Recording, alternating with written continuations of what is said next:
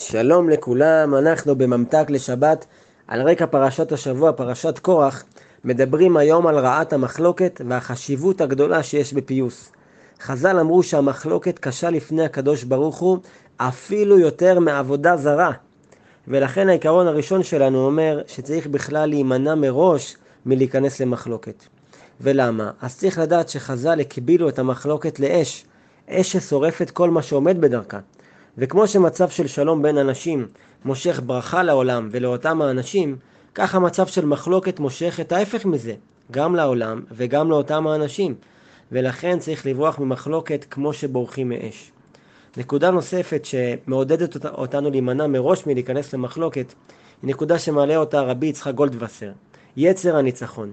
מחלוקת מתחילה בדרך כלל מחילוקי דעות, אבל מהרגע שזה מידרדר והופך לוויכוח ומחלוקת, הדיון הוא כבר לא ענייני על מה נכון יותר ומה צודק, אלא מעכשיו נכנס, נכנס לתמונה גם יצר הניצחון, לנצח בשביל לנצח.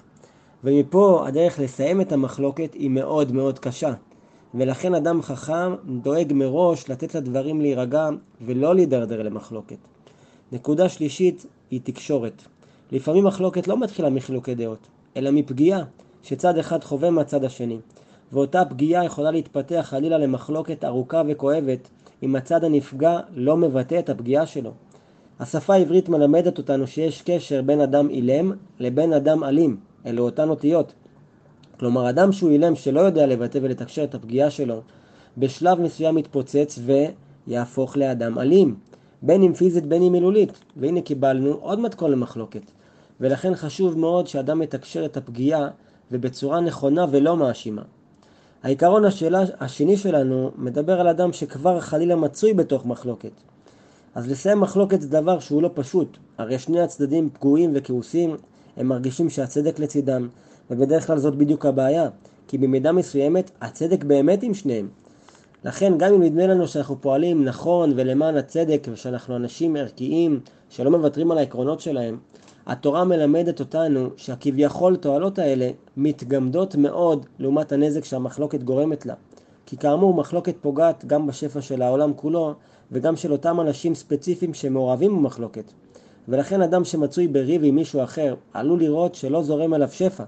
דברים משתבשים לו, לא משנה מה הוא עושה, ההישגים בורחים לו מהיד.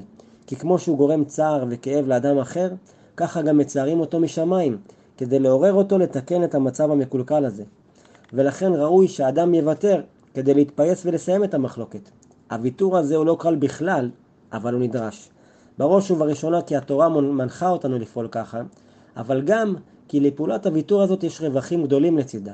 כי כשמסיימים את המחלוקת ומתפייסים, אז אחד, הכעס והזעם הפנימי שהיו מטרידים את האדם נעלמים. שתיים, האדם מרוויח בחזרה את קשרי החברות שלו עם אותו אדם, שלא פעם הוא אדם שמאוד קרוב וחשוב בחיים שלנו. שלוש, האדם יחזור לראות איך פתאום הברכה והשפע חוזרים לחיים שלו. אז כן יהי רצון שנזכה תמיד לכבות אש קטנה כבר מראש ולהיות תמיד בשלום עם כולם. שבת שלום ומבורך.